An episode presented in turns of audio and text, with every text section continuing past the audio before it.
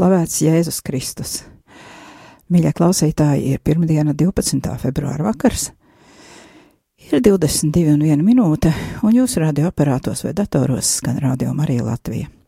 Savu skanējumu sāk raidījums vairāk tevis manī, un nākamo pusstundu kopā ar jums būšu es Sandra Preisa. Šovakar, jā, raidījumam apaļ jubilē, tas izskanēs jau 80. reizi.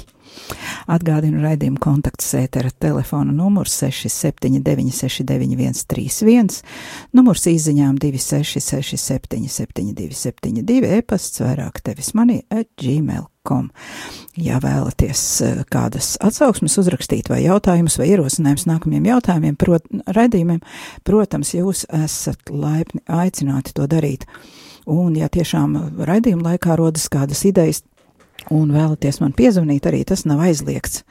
Tā kā droši uz priekšu. Bet mm, tagad, kā jau pieteicu iepriekšējā raidījuma noslēgumā, šodien turpināsim iesākt to tēmu pazemība, pazemošana, pazemošanās. Eh, Tēma ir ļoti smaga, ļoti nopietna, un eh, tādēļ domāju, ka mēs vēl vairākus raidījumus par šo runāsim, jo šīs lietas, jo pazemošana, pazemošanās, arī pazemība ietver sevī zināmas ciešanas, kas ir saistītas ar gavēni, kas sāksies trešdien, un tādēļ mm, arī gavēņa iesākumā vismaz mēs vēl turpināsim šo tēmu. Atgādinu, ka raidījumi nav domāti, lai sniegtu vieglas un uzreiz lietojamas atbildes, bet drīzāk, lai rosinātu jūsu interesi pētīt un meklēt pašiem savu ceļu uz attiecībām ar Dievu un uz personisko svētumu. Bet tagad lūksimies Dieva tēva un dēla un svētā gara vārdā Āmen. Tās svētī mūs visus, gan tos, kuri pašlaik klausās raidījumu, gan arī mani pašu lai viss, kas šodien izskanēs ēterā, nestu svētību klausītājiem un būtu derīgs mūsu garīgajai izaugsmai. Atver mūsu prātus un garācis, lai katrs spējam sadzirdēt tieši to, ko šobrīd visvairāk vēlamies, kas mums šobrīd ir visvairāk vajadzīgs. Un lūksimies kopā, Tēvs mūsu, kas esi debesīs, svētīts lai top tavs vārds lai atnāk tava valstība, tavs prāts, lai notiek kā debesīs, tā arī virs zemes. Mūsu dienascho maizi dod mums šodien, un piedod mums mūsu parādus, kā arī mēs piedodam saviem parādniekiem, un neieved mūsu kārdināšanā, bet atpestī mūs no ļaunā āmen. Un tagad novēlēsim raidījumu Dievmātei kopā ar Dominikāņu brāļiem dziedot lūkšanu tavā patvērumā jeb latīņu valodā subtūm. Subtum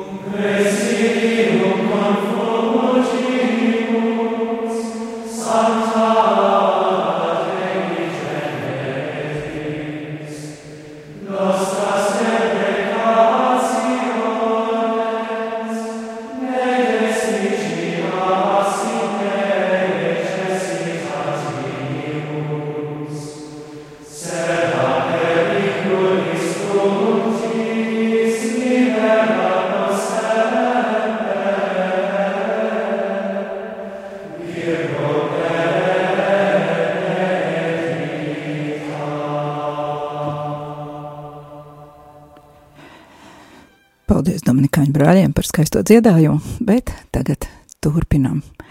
Iepriekšējā raidījumā es citēju pāvestu Francisku un atkārtošu mazu daļiņu no citāta. Kas notiek mūsu sirdī, ja varam atļauties nicināt vājākos, jautāja pāvests 8. janvāra rīta svētās misas homīlijā. Kāpēc mēs mēdzam to darīt? Francisks uzsvēra, ka aiz tā visa slēpjas vēlns, jo viņā nav nekādas līdzjūtības. Kā pāvests pareizi saka, līdzjūtība un pazemība vai pazemojumu paciešana arī ir auglis, kas liecina par pazemību, bet šo augli mēs nekādā gadījumā nevaram iegūt paši meklējot pazemojumus. Tādā gadījumā, ja mēs paši vēl neesam tam gatavi, jo tad sekos iejaunojums un vēl vairāk. Mēs nevaram kādā otrā cilvēkā radīt pazemību tad, ja mēs mēģinām viņu pazemot. Pāvests ļoti skaidri pasaka, ka tas ir vēlna darbs.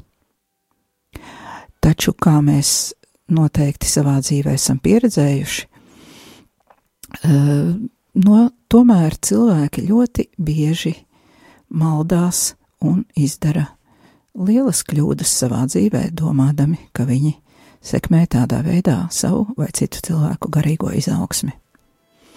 Un no šā visa iepriekš minētā eh, izriet vairāki maldi, kurus pieļauj cilvēki, kuri vēlas dzīvot garīgi jo vēlas patiešām no sirds iegūt šo svēto cilvēku tik ļoti slavināto pazemības tikumu, visu tikumu kroni. Un šie cilvēki, kas kļūdās, tie nav negudri, tie nav ļauni, tie var būt patiešām ļoti labi un dedzīgi cilvēki, un kuri cenšas arī labi un garīgi audzināt savus bērnus un no sirds vēl visu labāko saviem tuvākajiem. Taču iespējams, ka viņiem nav laimējies satikt kādu garīgajā dzīvē rūtītu un saprotošu garīgo vadītāju. Vai milzīgajā pieejamo grāmatu klāstā nav izdevies izvēlēties īstās grāmatas, vai varbūt vienkārši nav ieraduma lasīt un izglītoties, ko arī it kā nevarētu cilvēkam pārmest, jo svētums nav izglītoto cilvēku monopols. Taču, kā jau es iepriekšējos raidījumos pieminēju, eh, cilvēkam ir ļoti grūti saprast lietas, kas nav nosauktas vārdā. Lai viņš vispār sāktu par kaut ko domāt, viņam ir nepieciešams vārds, viņam ir nepieciešams formulējums, un tādēļ šīs kļūdas, par kurām runāsim tālāk, ļoti bieži pielaiž cilvēki arī tādi, kuri nu, kur mums liekas, vai kā tad viņš tik tāds svēts no svētas ģimenes. Bet bieži ir tā, ka cilvēki, kuri ir auguši ļoti labā katoliskā ģimenē, viņi tā kā saka, rādu, uzsūc visu to, kas ģimenē notiek. Visi kopā lūdzas, iet uz baznīcu, eh, piedalās misē, iet pie sakramentiem, dzīvo, nu, patiešām garīgu dzīvi, īstu garīgu dzīvi. Bet Eh, ja pieaugušie varbūt vēl apzinās, ko viņi dara, tad ļoti bieži ir tā, ka bērni, viņi zina, ka tas ir labi. Viņi saprot, viņi no sirds to visu dara, bet viņi to nav nosaukuši priekš sevis vārdā. Un kamēr tas nav nosaukts vārdā, viņi īsti pat nesaprot dieva darbību, kas viņos notiek, lai gan tā reāli notiek. Un viņi nav spējīgi tāpat aizstāvēt savu ticību, jo viņi nekad to nav mēģinājuši nosaukt vārdā. Un viņi arī tādēļ ļoti bieži var pielaist eh, kļūdas, piemēram, savus bērnus audzinot, jeb kontaktējoties jau pieaugušā vecumā ar saviem kaut kādiem mazāk ticīgiem draugiem vai paziņām, vai, nu, jebkurā vidē, eh, viņi nenosaucot lietas vārdā un nemācīti nosaukt lietas vārdā, var pielaist milzīgas kļūdas, vienkārši nu, tādēļ, jā, tādēļ, ka nav šā vārda. Un e, šodien es gribētu izdalīt dažus galvenos maldus attiecībā uz pazemību. E, šodien es nekomentēšu katru no tiem atsevišķi, jo patiesībā es izdalītu šodien tādus četrus punktus, bet šie punkti parasti visbiežāk kaut kā krustojas. Nav tādas situācijas, kurā darbojas tikai viens punkts, vai otrs punkts, vai trešais, vai ceturtais, bet parasti tie krustojas un tālākajā tekstā pievēršiet uzmanību tam, jūs pamanīsiet, ka tie krustojas. Tātad, pirmais - vēlme iemācīties paciest pazemojumus pašam tos meklējot, otrais - mēģinājumi pašpazemoties, Trešais - vēlme iemācīt pazemību saviem tuvākajiem draugiem, bērniem, radiem, dažādi mudinot tos paciest pazemojumus, sadzīvē, darbā, draudzē un citur, lai gan viņi varbūt vēl nav tam gatavi. Un vēl apzināti vai pusapzināti pašam pazemot savus tuvākos, īpaši bērnus, ar mērķi viņus norūdīt, padarīt izturīgus un gatavus smagām dzīves situācijām. Kā mēs redzam, Eh, visi, visām šīm te kļūdām vai maldiem pamatā ir labs nodoms. Tur nav nekā ļauna, bet ja mēs to darām negudri, tas var nest ļaunumu. Tās visas ir smagas kļūdas, Un es domāju, ka, ja klausījāties iepriekšējos redzējumus, vai nu pat arī tajā, ko mēs runājām, uzmanīgi ieklausījāties, jūs paši to esat sapratuši. Tomēr vislielākā kļūda visminētā kontekstā ir par zemu novērtēt šo kļūdu sekas. Kā jau pāvests teica, jebkāda otra cilvēka pazemošana ir vēlna darbs. Un tā tad pakļaujot sevi vai savus tuvākos pazemojumiem situācijās, kuras varētu, no kurām varētu izvairīties, nozīmē pakļaut sevi vai citus cilvēkus nekam citam, kā vēlnu uzbrukumam. Cilvēks ir miesīga būtne, un savā dabiskajā spēkā viņš nevar pastāvēt un palikt neskarts šādu uz, uzbrukumu gadījumos. Tieši tāpēc par pazemojumu panešanu tiek runāts augstu svēku, svētuma pakāpi sasniegušu cilvēku rakstītajās grāmatās un nevis katehismā. Cilvēks nevar uzvarēt ļaunā gara uzbrukumus, ja nav ļoti ciešā pārdabiskā mīlestības vienībā ar kungu Kristu. Jo Kristus ir tas, kurš uzvarēja nāvi. Viņš ir izcīnījis uzvaru pār ļauno, un nevis mēs paši. Ļoti labi zinām, cik viegli spējam krist vismazākajos kārdinājumos. Tuvojas lielais gavēnis, mēs visi noteikti pašlaik izvirzām sev visvisādus gavēņa uzdevumus, apņemšanās un mērķus. Atcerēsimies šīs pārdomas savā sirdī pēc kādām pāris gavēņa nedēļām un padomāsim, kā tad mums iet ar šo nospraustu mērķu sasniegšanu. Tie klausītāji, kur ne pirmo reizi apņems kaut ko labu izdarīt gavēņa laikā, noteikti labi saprot, par ko es runāju. Pat ar visu to, ka mēs lūdzamies, ka mēs cenšamies turēties pie Dieva ar visiem saviem spēkiem, izturēt šīs gavēņa apņemšanās ir milzīgs pārbaudījums mūsu miesai un gribas spēkam. Iespējams arī tāpēc, ka, lai kā mēs censtos, pasaules trokšņi mums neļauj sadzirdēt dieva aicinājumu, un mūsu apņemšanās ir vairāk mūsu pašu labās gribas izpausme nekā dieva griba. Es esmu pārliecināta, ka noteikti ir cilvēki, kas mani šobrīd klausās un domā, ka tas nav par viņiem, un ļoti iespējams, ka viņiem ir taisnība jo ir cilvēki, kuriem regulāri izdodas izpildīt un pat ar uzviju visas savas apņemšanās. Noteikti tādi cilvēki ir, taču visticamāk arī šie cilvēki zina, ar kādām grūtībām viņi paši ir saskārušies šajā ceļā.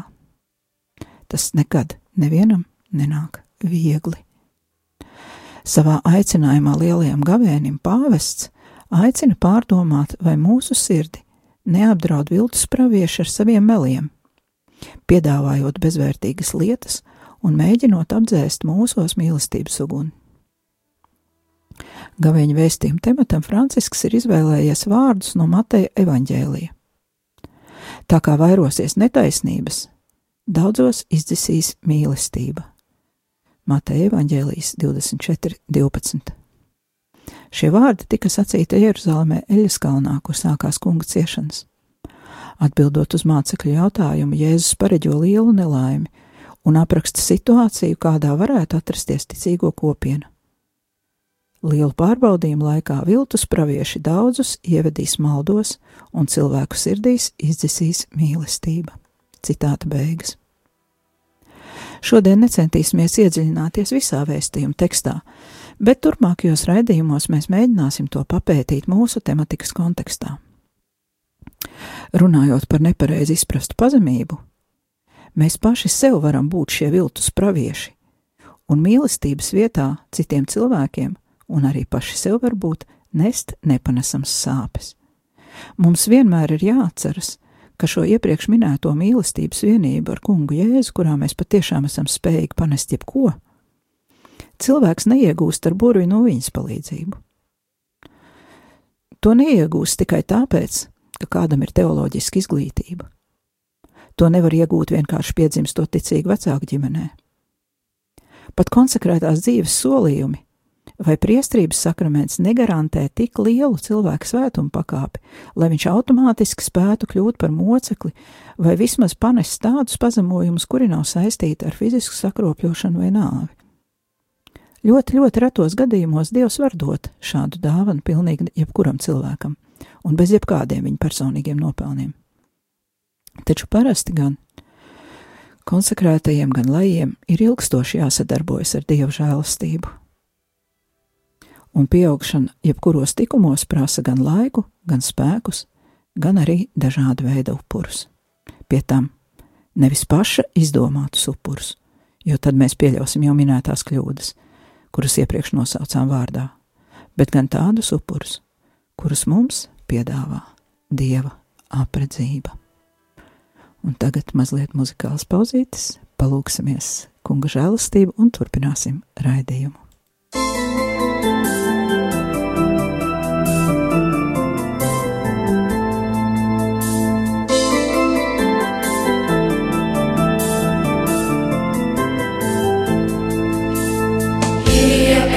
so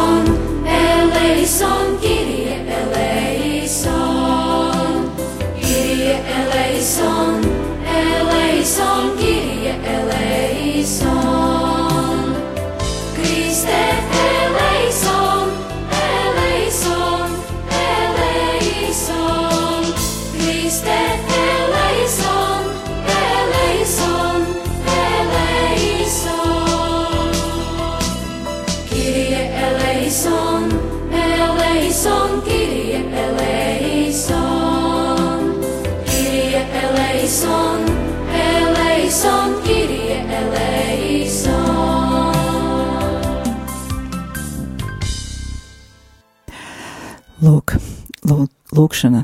Dievs apžēlojas par mums. Es ceru, ka mūsu dvēseles atsaucās, atsaucās šiem vārdiem un turpināsim mūsu tēmu. Tātad, runājot par pazemību īsumā, viss ir ļoti vienkārši. Dziļi dievam pievērsta sirds katras lūkšanas laikā un patiesības atzīšana par sevi, ka visu esam saņēmuši nepelnīti, ka mums nekas nepienākas, ka esam necien, necienīgi pēc būtības, bet cienīgi pēc žēlastības. Ja to saprotam, tad no mūsu sirds būtu nemitīgi jāizlaužas pateicības lūkšanai tādai, tā kā tsunami, kas sagrauj visus šķēršļus savā priekšā un liek dot un dāvināt tālāk, neko negaidot pretī. Bet tomēr arī prāts ir jālieto, un mēs nevaram arī izdedzināt sevi, darot pāri spēkiem, un vēl ir kāds Bībeles pants, kuru nepārāk bieži mēs dzirdam lasījumos, bet noteikti esam dzirdējuši. Nekaisīt pērles cūkām, kā ir teicis pats Jēzus. Tā kā dzīvē tas nemaz nav tik vienkārši. Kāpēc ir tik svarīgi izvairīties un pat baidīties no viltus pazemības un no pašu izdomātajiem upuriem? Tāpēc, ka tā ir slēpta, bet dažreiz pat atklāta vardarbība pret sevi vai tuvākajiem, vai dažreiz gan pret sevi, gan pret tuvāko. Īpašā veidā tas ir svarīgi dibinot jebkādas attiecības starp cilvēkiem, gan ģimenē, gan reliģiskā kopienā, gan darba vietā. Cilvēks ir sabiedriska būtne un nevar iztikt bez citu cilvēku klātbūtnes. Kāds pētījums pat ir pierādījis, ka cilvēkam vairāk ir vajadzīgs plašs, labvēlīgi noskaņotu paziņu lokus nekā daudz īstu, dziļu draugu. Īsts draugs var būt viens vai divi, bet daudz vairāk par to ir nepieciešama labvēlīga vide, kurā cilvēks jūtas pieņemts. Tādēļ, bez kāda īpaša dieva aicinājuma vai apstākļiem, dabiskā veidā cilvēks nemaz īsti nav spējīgs dzīvot bez citu cilvēku klātbūtnes. Tas nogalina garīgi un bieži vien pat fiziski. Mēs varam, protams, apstrīdēt šo tēzi, jo taču daudz esam dzirdējuši par, dzirdējuši par tūkstnešu vientuļniekiem, eremītiem. Taču te atkal ir kārtējais garīgās dzīves paradoks. Viņi gan bēga no pasaules, lai tā lai pasauli viņus nesamaitātu un nekārdinātu.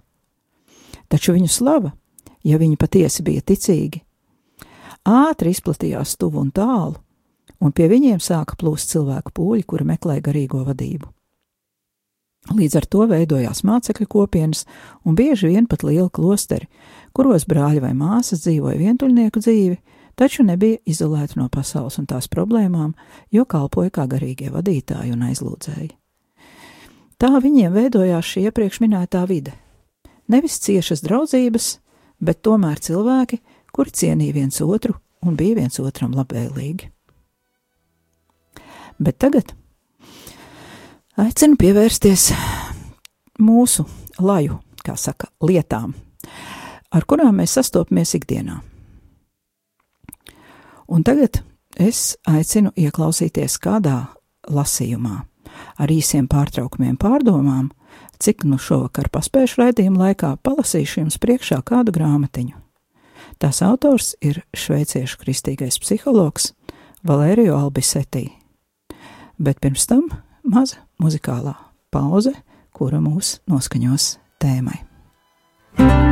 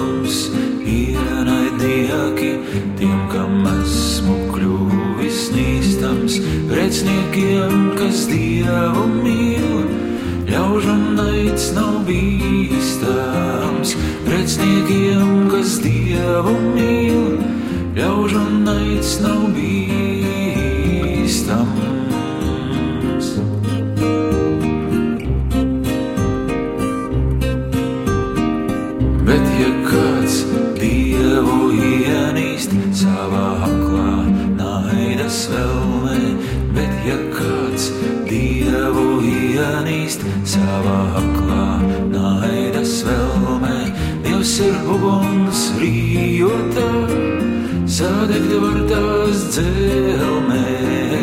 Dievs ir uguns rījotā, sadegt var tās dzelmē.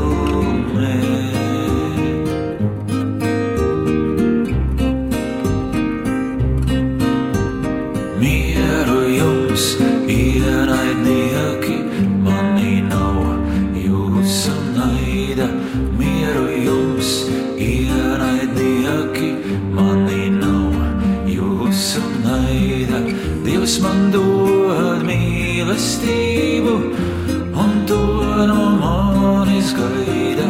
Dievs man dod mīlestību,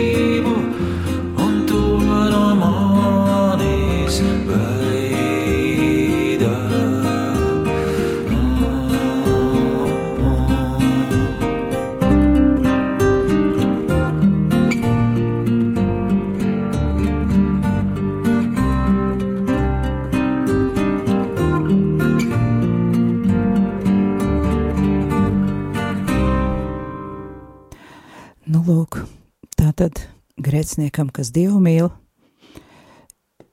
neviens ienaidnieks nav bīstams. Bet taču, lai cilvēks patiešām sasniegtu šādu pakāpi, ka viņam neviens ienaidnieks nav bīstams un neviens ienaidnieks nevar pāri nodarīt tā, lai šis cilvēks nekļūtu traumēts, kā mūsdienās ir populāri teikt, lai netiktu dvēseliski ievainots vai sabradāts vai pat iznīcināts. Tā ir milzīga, milzīga dieva žēlastība. Mēs to nevaram sasniegt savā spēkā. Un tādēļ ir tik svarīgi apzināties te savu vājumu, eh, kā mēs arī lasīsim grāmatiņā tagad, un eh, apzināties arī to, ka citi cilvēki ir vāji, būt žēlsirdīgiem, gan nedarīt pāri otram, gan arī tad, ja mēs sastopam kādu, kurš stāsta, ka viņš ir piedzīvojis to, par ko mēs tagad lasīsim un arī turpināsim nākamajos raidījumos, tas mums varētu būt viens tāds gavēņa uzdevums, viens žēlsirdības darbs, kurš būtu reizē gan cilvēkam iesai, gan dvēselē, jo šādas te dziļas traumas tās skar gan miesu, gan dvēseli. Bet tagad uh, fragmenti no, tātad kā pieteicu, Valerijo Albisetī grāmatas būt draugiem vai uzturēt draudzību. Es rakstu grāmatu par draudzību, varbūt tā laba, ka dažreiz sev jautāju, kāpēc gan cilvēki nedraudzējas cits ar citu, un kāpēc nodara cits citam ļaunu? Ir cilvēki, kuri nenogalina fiziski, bet izrādās daudz ļaunāki nekā parasti noziedznieki, jo aptraipa iznīcina apkārtējo dvēseles. Tādiem cilvēkiem es veltu šo grāmatu. Vislielākās ciešanas cilvēciskai būtnei sagādā dzīvot fiziski, bet ar iznīcinātu garu. Šādi cilvēki pārvar šķēršļus, pierod pie grūta darba, samierinās ar nabadzīgu dzīvi, tomēr iekšēji mirst citu cilvēku ļaunuma dēļ, viņu nedraudzīguma dēļ. Ļaunums sakņojas pašā cilvēkā un viņa attiecībās ar apkārtējiem, un nevis lietās. Nedraudzīgums izmanto saiknes starp personām, paziņu attiecības, lai atņemtu vai mazinātu vērtību, aplami izskaidrotu, nomelnot otru cilvēku, lai varētu pār viņu dominēt un valdīt. Jo nedraudzīgums nepieņem cilvēka būtības sarežģītību, pilnību un viengabalainību. Tas ļoti labi par to zina, taču negrib saskatīt, lai tādējādi varētu kaitēt otram cilvēkam liktu viņam ciest, piespiestu parādīt savas sliktās puses un pēc tam pa tām iesist. Citāta beigas, jo, ko es gribētu teikt, ka šeit autors runā par cilvēkiem, kuri tīšām dara tādas lietas, bet, diemžēl, realitātē ir cilvēki, kuri var, varbūt tieši tik ļauni, kā nu pat aprakstīts, bet kuri patiešām nav vēlējušies tā kā it kā tīšām to darīt. Un šeit ir ļoti tāda paradoxāla situācija veidojas, jo viņi it kā nav vēlējušies, bet patiesībā viņi vienkārši dara un nenosauc lietas, kuras viņi dara, vārdā. Un ja viņi šīs lietas nosauktu vārdā, viņi atklātu, ka viņi ir gribējuši šo ļaunumu. Un eh, tādēļ ir tik svarīgi kad mēs kaut ko darām, it īpaši, kad mēs kontaktējamies ar citiem cilvēkiem, kad mēs gribam kādam citam cilvēkam par viņu pašu kaut ko teikt, kad mēs gribam kādam citam cilvēkam kaut ko teikt par otru cilvēku. Vispirms izdarīt milzīgu pauzi un nosaukt vārdā visas savas iekšējās motivācijas, kāpēc es to saku vai daru tam cilvēkam. Kāpēc es par to cilvēku tā saku vai daru? Vai tāpēc, ka tas cilvēks patiešām ir tāds, un vai vispār man par to ir jārunā pat, ja viņš tāds ir, vai tas iemesls slēpjas ļoti, ļoti dziļi manī pašā. Varbūt, ka manī ir skaudība, manī ir empātijas trūkums, iejūtības trūkums, mīlestības, žēlsirdības, draudzīguma trūkums. Manī tā visa nav, bet manī ir naids. Un tad ir jāstrādā ar sevi. Un tas ir viens no, teiksim, jautājumiem, uzdevumiem, eh, pārdomām, kuru es tagad arī raidījuma beigās atstāju.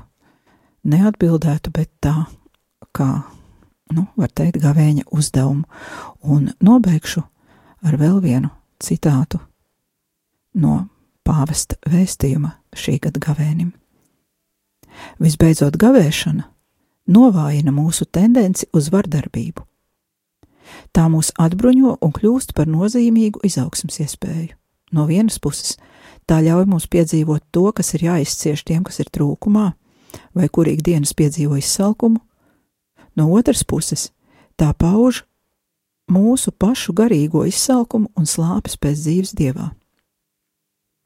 Gavēšana mūs atmodina, tā padara mūs uzmanīgākus pret dievu un savu tuvāko.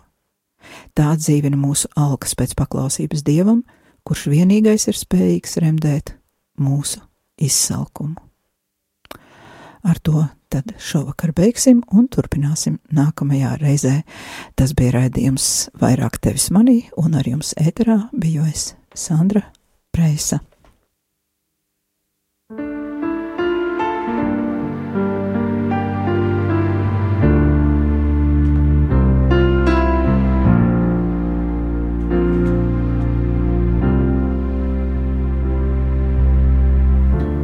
Mīlestība.